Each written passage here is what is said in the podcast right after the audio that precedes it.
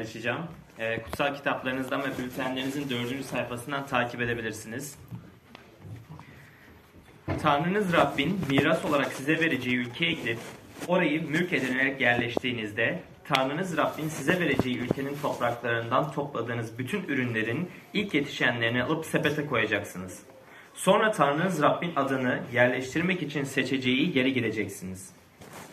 O dönemde görevli kahine gidip Rabbim bize ant içerek atalarımıza söz verdiği ülkeye geldiğimi Tanrı Rabbe bugün bildiriyorum diyeceksiniz. Kahin sepeti elinden alıp Tanrınız Rabbin sunanını önüne koyacak. Sonra Tanrınız Rabbin önünde şu açıklamayı yapacaksınız. Atam göçebe bir Aramlıydı. Sayıca az kişiyle Mısır'a gidip orada yaşamaya başladı. Orada büyük, güçlü, kalabalık bir ulus oldu. Mısırlılar bize kötü davranarak baskı yaptılar. Bizi ağır işlere zorladılar. Atalarımızın tanrısı Rab'be yakardık. Rab yakarışımızı duydu. Çektiğimiz sıkıntıyı, emeği, bize yapılan baskıyı gördü. Bunun üzerine güçlü elle, kudretle, büyük ve ürkütücü olaylarla, belirtilerle, şaşılası işlerle bizi Mısır'dan çıkardı. Bizi buraya getirdi. Bu toprakları, süt ve bal akan ülkeyi bize verdi. Şimdi ya Rab size verdiğim, bize verdiğin toprağın ürününün ilk yetişenini getiriyorum. Sonra sepeti Tanrınız Rabbin önüne koyup onun önünde yere kapanacaksınız. Sizler, Levililer ve aranızda yaşayan yabancılar Tanrınız Rabbin size ve ailenize verdiği bütün iyi şeyler için sevineceksiniz. Tomurcuklanmasa incir ağaçları, asmalar üzüm vermese, boşa gitse de zeytine verilen emek, tarlalar ürün vermese de, boşalsa da davar ağırları, sığır kalmasa da ahırlarda. Ben yine Rab sayesinde sevineceğim. Kurtuluşumun tanrısı sayesinde sevinçten coşacağım. Ebe, egemen Rab gücümdür benim. Ayaklarıma geyik ayağının çevikliğini verir, aşırtır beni yükseklerden. Müzik şefi için telli sazlar eşliğinde söylenecek. Çok teşekkürler Cihan. Çok sağ ol. Beni duyabilir misiniz? Alo. Aha. İyi bayramlar size. Türkiye Cumhuriyet Bayramı kutlu olsun. Pardon. Düşüyor. Bir saniye.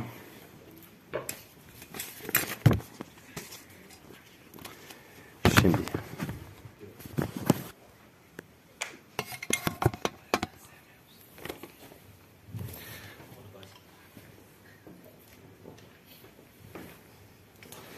Biz şu anda Habakuk kitabına bakıyoruz. Ve ben bugün, size vaaz vereceğim. Vaaz vermeden önce ben dua ediyorum. Ya göklerdeki babamız, yine senin sözüne bakıyoruz bugün. Lütfen bize konuş, yüreklerimize konuş. Mesih'in adıyla bunu dua ediyoruz. Amin. Evet, Habakuk kitabına bakıyoruz. Ama neden? Habakuk kitabına bakıyoruz. Çünkü eski ayette bu küçük kitap kötü zamanlarla nasıl başa çıkaracağından bahsediyor. Kötü zamanlar. Her kuşak için her şey daha ilk gittiği zamanlar değil. Savaşların, hastalıkların ve ekonomik felaketlerin olduğu zamanlardır. Habakuk bize kötü zamanlarla nasıl başa çıkacağımız anlatır. İster toplum çapında olsun, ister sadece kendi kişisel kötü zamanlarımız olsun. Herkes bunlar geçer. Her hafta buna bakıyorduk, bakıyorduk ve şimdi kitabının sonuna geldik. Az önce okuduğumuz 17 19 ayetlerde Habakuk'un esasen şunu söylediği güzel şiirsel bir sona ulaşırız. Hayatımızda her şey ters giderse bile sürekli sevinç dolu bir yaşam sürmek mümkündür. Gördünüz mü? Ayet 17 ve 18 yine okuyacağım. Tomurcuklanmasa incir ağaçları. Asmalar üzüm vermese, boşa gitse de zeytin verilen emek. Tarlalar ürün vermese de, boşalsa da davar ağırları. Sığır kalmasa da ahırlarda. Ben yine Rab sayesinde sevineceğim. kurtuluşumun Tanrısı sayesinde sevinçten coşacağım. Bu bölüme ilk, ilk hafta, iki hafta üst üste bakacağız. Çünkü hem genel hem de özel bir uygulama var. E, genel olarak ve buna gelecek hafta bakacağız. Habakuk burada sıkıntı içinde nasıl sevinebileceğimizi çok kötü koşullar karşısında nasıl neşeli olabileceğimi anlatıyor. Özellikle ekonomik bir felaketten söz ediyor. Çünkü incir, üzüm, zeytin ve tahıl yani bu toprağın bize verdikleri de aynı zamanda zenginlik üretmenin de yoluydu. Aynı şekilde koyun ve sığır da. Ne kadar çok hayvanınız, hayvanınız varsa o kadar zengindiniz. Yatırım hayvanlardı. Yatırım topraklardı. Yani burada anlatılanlar bu altı şey. Gördünüz mü? İncir yok, üzüm yok, zeytin yok, tahıl yok, koyun yok, sığır yok. Tam bir ekonomik felakettir. Bu yatırımlarınızın yok olduğu anlamına geliyor. Hepsi gitti. Habakuk'un söylediği şey bununla nasıl yüzleşeceğimizdir. Şu an Türkiye'de durumun nasıl olduğunu biliyorsunuz. Enflasyon düzenli olarak yükseliyor. İki hafta önce bir tam buğday e, ekmek için 18 lira ödedim. Ekonomik kitlikle, e, kitlikle nasıl yüzleşebiliriz? Cevabı düşündüğünüzden daha dolgun. Çünkü hasadın olmadığı bir zamandan bahsederek ilk meyveler ilkisine atıfta bulunuyor. Çünkü eski ayette hasadın ilk ürünlerin Tanrı'ya vermesi gerekiyordu. Hiç ürün olmasın, olmama olasılığını gündeme getiriyor. Habakuk'un ekonomik kılıkla, kılıkla yüzleşmek konusunda ne söylediğini anlamak istiyorsak, ilk meyve ilkelerinin ortaya konduğu yerlerden biri olan yasanın tekrarı, 26'nın arka planıyla söylediklerini bir göz atmak istiyorum. Ekonomik kilitlik dönemleri başa çıkmak için kapsamlı bir stratejimiz olacak. Yaşın, yasanın tekrarına baktıktan sonra Habakuk'a geri döndüğümüzde ve vermekle ilgili üç şey öğreniriz. Paramızı vermekle ilgili üç şey.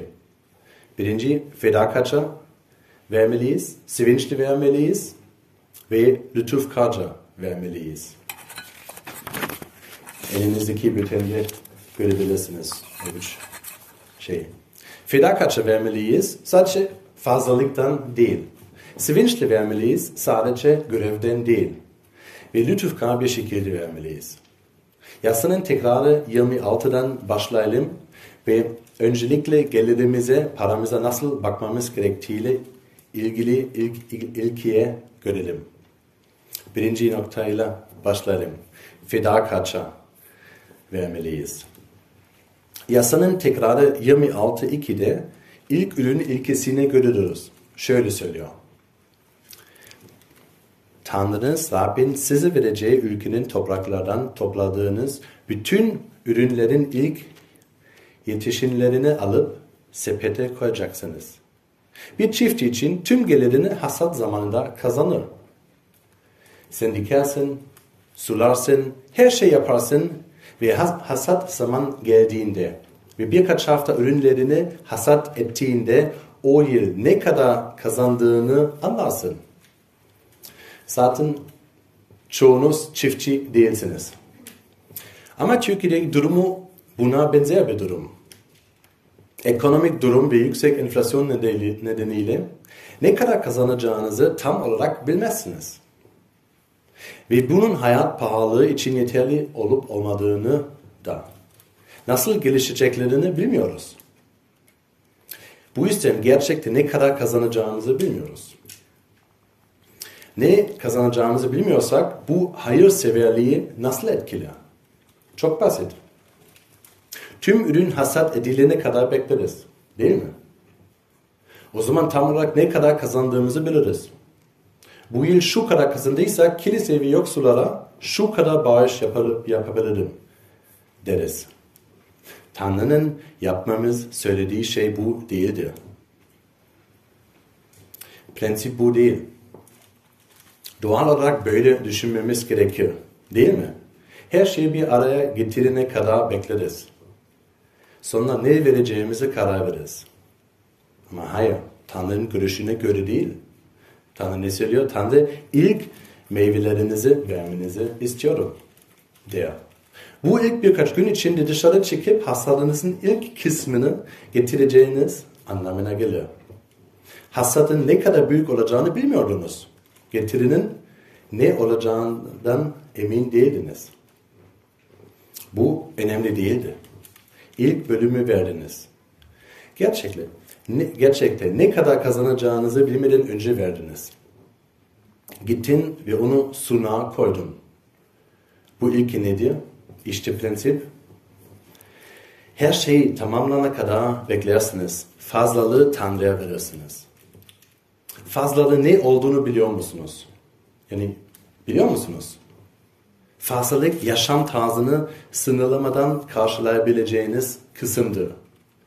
Fazlalık yapmak istediğiniz her şey yapmaya, satın almak istediğiniz her şeyi satın almaya, gi giymek istediğiniz tüm kefetle giymeye, ziyaret etmek istediğiniz tüm yerleri ziyaret etmeye devam ederek verebileceklerinizdir.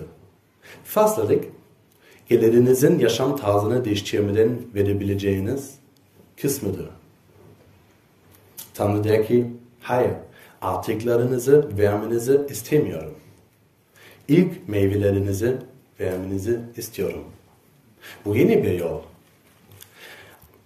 Artan yemeklerinizi vermenizi istemiyorum. Fazlalıklarını vermeni istemiyorum. Gelirinizi gönülden vermenizi istiyorum. Yaşam tarzınızı değiştirerek gücünüzün yettiğinde daha fazla, fazlasını vermenizi istiyorum. Fedakatçı bağışta bulunmanızı istiyorum. Hayatınızı değiştirerek, değiştirecek kadar bağışta bulunmanızı istiyorum. Aksi takdirde vermeniz gerektiği şekilde veremezsiniz. Bunun neden kötü zamanlarla ilgili olduğunu anlıyor musunuz? Bakın, iyi zamanlarda bir fazlalık olur. İyi zamanlarda kilise ve yoksullara verebilecek kadar çok para kazanırsınız. Paranızı dağıtabilir ve yine de yaşamak istediğiniz gibi yaşayabilirsiniz. Kötü zamanlarda yapamazsınız. Gördüğünüz gibi her zaman bu şekilde vermeyi öğrenmeniz gerekiyorsa kötü zamanla bunu değiştirmeyecektir.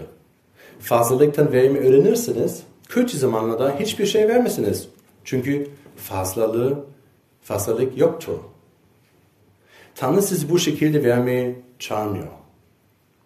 Bu ilk prensiptir. Şu ana kadar vaazı nasıl buldunuz? İlk nokta hakkında ne düşünüyorsunuz?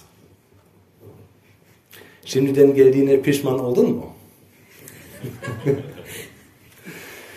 o zaman ikinci noktayı bekleyin. İlk nokta kişinin fazlalıktan değil, fedakatça vermesi gerektiğidir.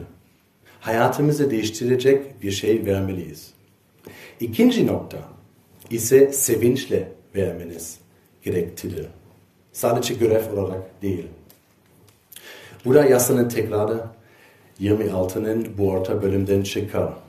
Bakın ikinci ayette şöyle diyor. Sonra Tanrınız Rabbin adını yerleştirmek için seçeceği yere gireceksiniz. Ve ayet 4.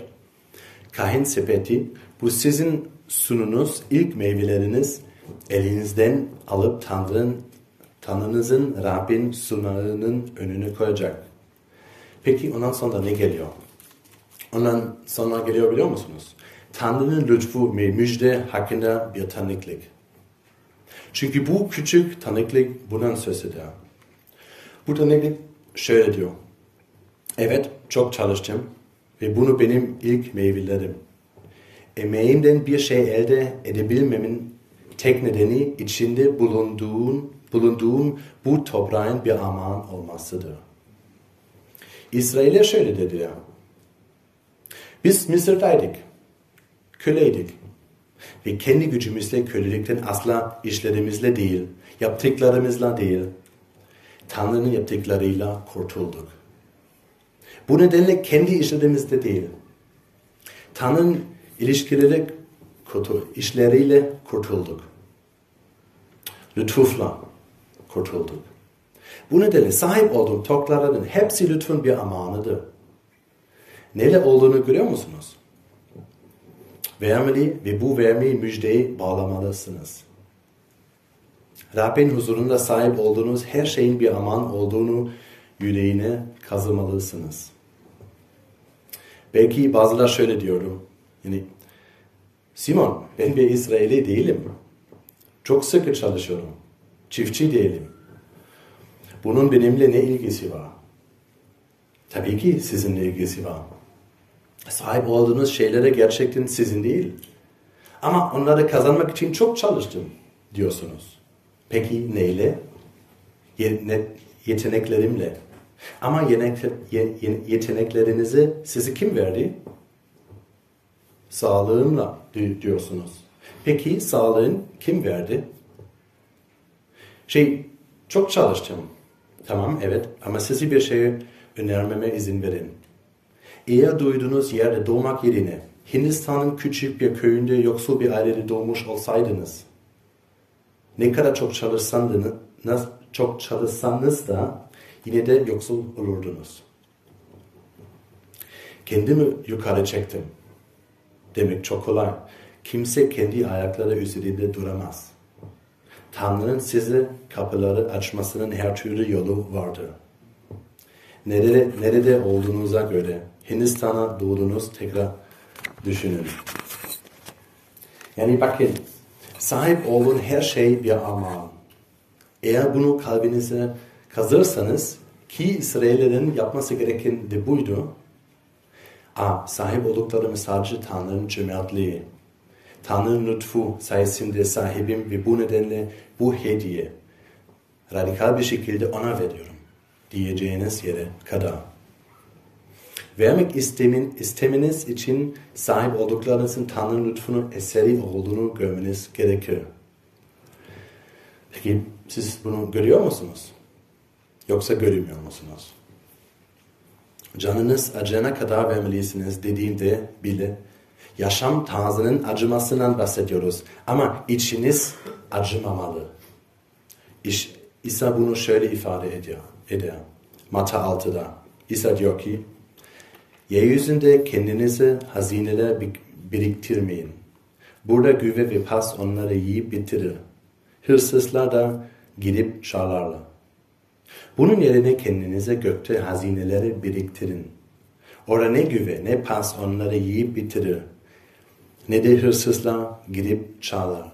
Hazineniz neredeyse yüreğiniz de orada olacaktır. İsa yürek hakkında konuşuyor. İsa neden vermekten, bahseder, vermekten bahsederken hazineniz neredeyse yüreğiniz de orada olacaktır diyor. Yüreğiniz en çok değer verdiğin şeyin paranızın en zahmetsizce gideceği yer olacağını söylüyor. Yüreğinizin en çok değer verdiğin şey için her zaman en büyük sevinçli para harcayacaksınız. Sen ne için para harcıyorsun? İşte birkaç örnek.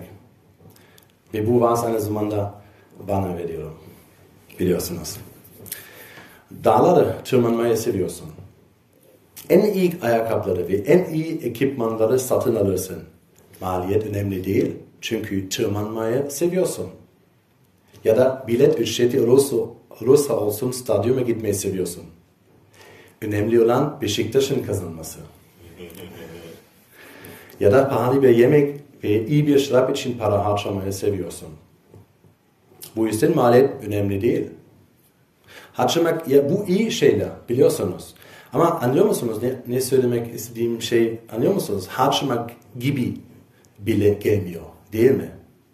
En çok neyi seviyorsan, kalbin en çok neye dayanıyorsa aslında çok fazla harcamamak için dikkatli olmasın.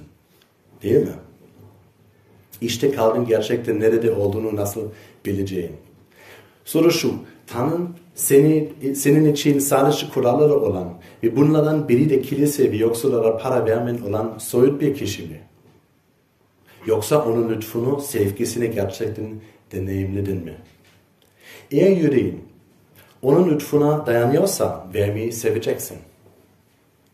bununla ilgili hiçbir sorun olmayacaktı. Fedakarca vermek bir sevinç olacaktı. Bu bir sorun olmayacaktı. Tanrı'yı gerçekten kişisel olarak tanıyıp tanımadığın ya da Tanrı'yla ilişkinin yüzey, yüzeysel olup olmadığını bu şekilde anlarsın. Fedakarca vermeli ve sevinçle vermeliyiz. Eğer sevinçle ve fedakarca veremiyorsak bu bize Tanrı'ya olan ilişkimizde, yürüyümüzde bir sorun olduğunu gösterir. Son noktaya geldik.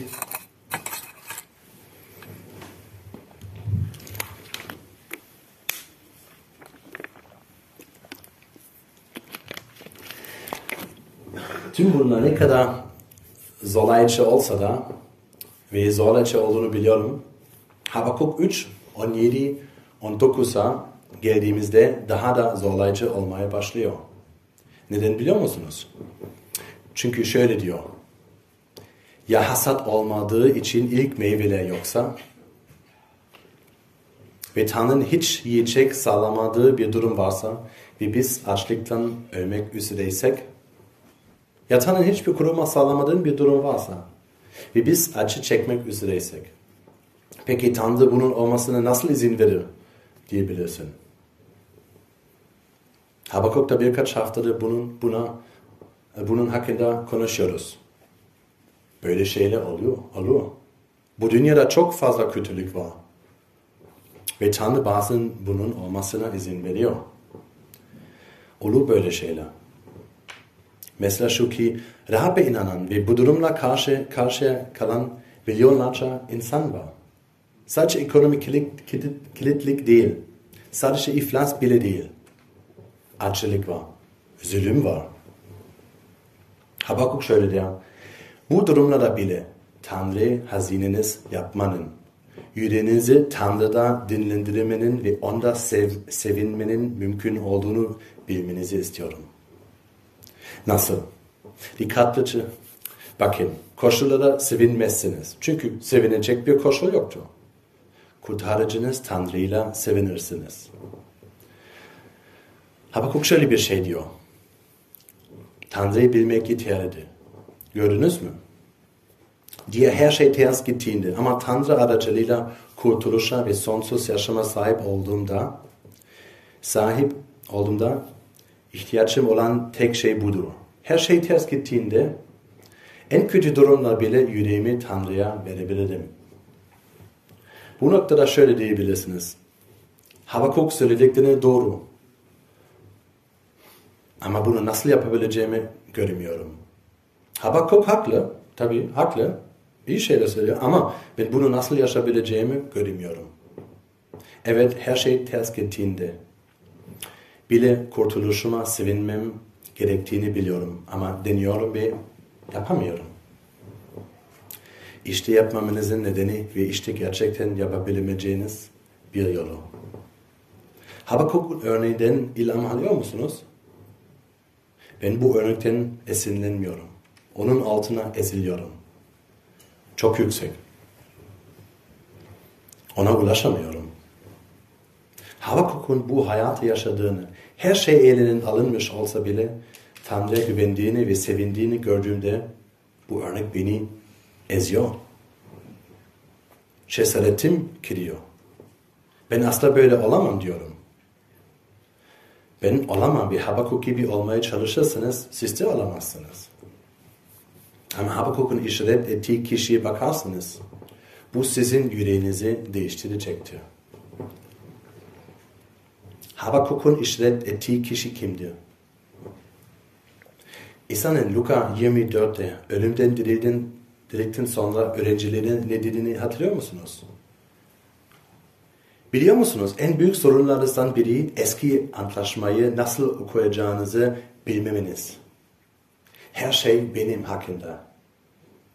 Bu yüzden Habakuk'un her şeyi elinden alındığında sevindiği ve Tanrı'ya güvendiği örnek olarak gördüğümde bu beni mahvediyor. Ama onun işaret ettiği kişiye, her şey elinden alınmış olan kişiye baktığımda beni değiştiriyor. Yaşamın, yaşamının sonuna geldiğinde İsa Mesih'e, Mesih'in sahip olduğu tek şey vardır. Giysileri. Ve onu da almak için kura çektiler kendi aralarında. Çarmıhta çırılçıplak soyuldu ve çarmıha girildi. Babasının sevgisi bile elinden alındı. İsa Mesih'te neye sahip olduğumuz biliyor musunuz? Burada banka hesap olmayan, çok yok edilmiş biri var. Her şey elinden alınmıştı. Çarmıhta her şey elinden alınmış olmasına rağmen seviniyor ve Tanrı'ya güveniyor. Bunu neden yaptı? Sizin ve benim için yaptı. İşin sırrı budur. Bu yüzden Habakuk'un önerdiği gibi yaşayabiliriz.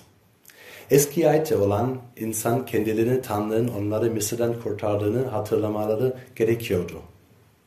Bu karşılıksız bir lütuftu. Bunu hak etmemişlerdi. Bunu kendi başlarına elde edemezlerdi. Bu karşılıksız bir lütuftu. Bilmedikleri şey ise bunun pahalı bir lütuf olduğuydu. Sizin ve benim bildiğimiz ama onların bilmediği şey bunun pahalı, pahalıya mal olduğuydu. Neden pahalı? Kutsal kitaptaki Fısıh, Fısih bayramını duydunuz mu? İsrail oğulları Mısır'dan çıkarılmadan bir gece önce ölüm meleği Mısır'a gönderilmişti. Mısır'daki her bir aile günahların bedelini ilk çocukların ölümüyle ödeyecekti. Bunun hatırlıyor musunuz? Bu son ve nihai belaydı. Peki ya İsrail? Onlara günahkardı.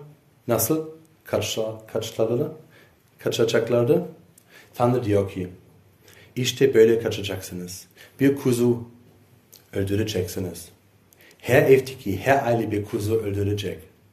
O kuzunun kanını altına sığınacaksınız. İsrailler bunu yaptı ve kaçtılar. Dışarı çıktılar ama çıkarken şöyle diyorlardı. Bu bizi nasıl kurtardı? Kuzuların kanı bizi nasıl kurtardı? Bu nasıl oldu? Cevabı yüzlerce sonra, yüzlerce yıl sonra vaftizci Yahya'nın İsa Mesih'e bakarak söylediklerini buluyoruz. Yohana 1, 29. Yahya ertesi gün İsa'nın kendisine doğru geldiğini görünce şöyle dedi. İşte dünyanın günahını ortadan kaldıran Tanrı kuzusu. İsa Mesih çarmıhnak günahlarımızın bedelini ödemek ve bizi kurtarmak için her şeyi feda etti. İsraillerin anlamadığı şey şudu. Dışarı çıkarıldıklarında Tanrı'nın onlara olan lütfu karşılıksızdı. Ama bunun pahalıyla mal olduğunu bilmiyorlardı. Başka bir deyişle kurtulmalarının tek nedeninin Tanrı'nın biricik olduğunun vermesi, İsa Mesih'in kanını vermesi olduğunu bilmiyorlardı. İsa Mesih'in hayatını kaybedecek kadar verdi. Hayatını bizim için kaybetti. Bunun gördüğümüzde, lütfunun pahalıyla mal olduğunu gördüğümüzde, bizim için öldüğünü, tüm bunları bizim için yaptığını gördüğümüzde, bu kalbimizi alacak ve onu hazinemiz yapacaktı. O bizim hazinemiz olduğunda vermek sorun olmayacaktı. Neden biliyor musunuz? Şöyle diyeceksiniz. Eğer İsa hayatını kaybedene kadar verdiyse ben de hayatım değişene kadar kesinlikle verebilirim. Hiçbir koşul olmadan verebilirsin. Her zaman verilecek bir şey vardır. Çok para varsa, az para varsa. Neden? Eğer Tanrı'nın lütfunu anladığınız için İsa sizin hazineniz haline gelirse, her zaman ihtiyaçı olan insanlara bir şeyler vermek isteyeceksiniz. Gerçekten çok sevdiğiniz bir şeyi harcamaktan her şeyi kendinize alıkolmanız gerekiyor. Bunun için ne kadar ne kadar harcamak zorundayım demezsiniz. Ne kadar harcayabilirim dersiniz. Bu nedenle Tanrı'nın lütfunu gerçekten kavrayan herkes fedakatça ve sevinçle verir. Ve sonuç olarak Levililer ve yoksullara sevinmeyi başlarlar. Siz Levililer, Levililer ve aranızdaki yabancılar sevineceksiniz diyen 11. ayet çok güzel. Bunu ne anlamına geldiğini biliyor musunuz? Eğer Mesih'in lütfuyla radikal ve sevinçli bir şekilde bağışta bulunacak kadar değişmiş, değişmişsiniz, o zaman paranız ve lütuf biçimine dönüşüyor. Çünkü paranız hizmet, hizmetlerin devam etmesini sağlar. Bu insanların ruhun özgürleştirir. Tanrı'nın lütfu için bir araç haline gelecektir. Levililer ve yoksullar Tanrı'nın size verdiği her şeyden sevinç duyacaklardır. İsa Mesih'in kendi feda ederek ne yaptığına bak. Radikal bağışlarıyla değiştirdiği yaşamanlara bakın. Ben dua ediyorum.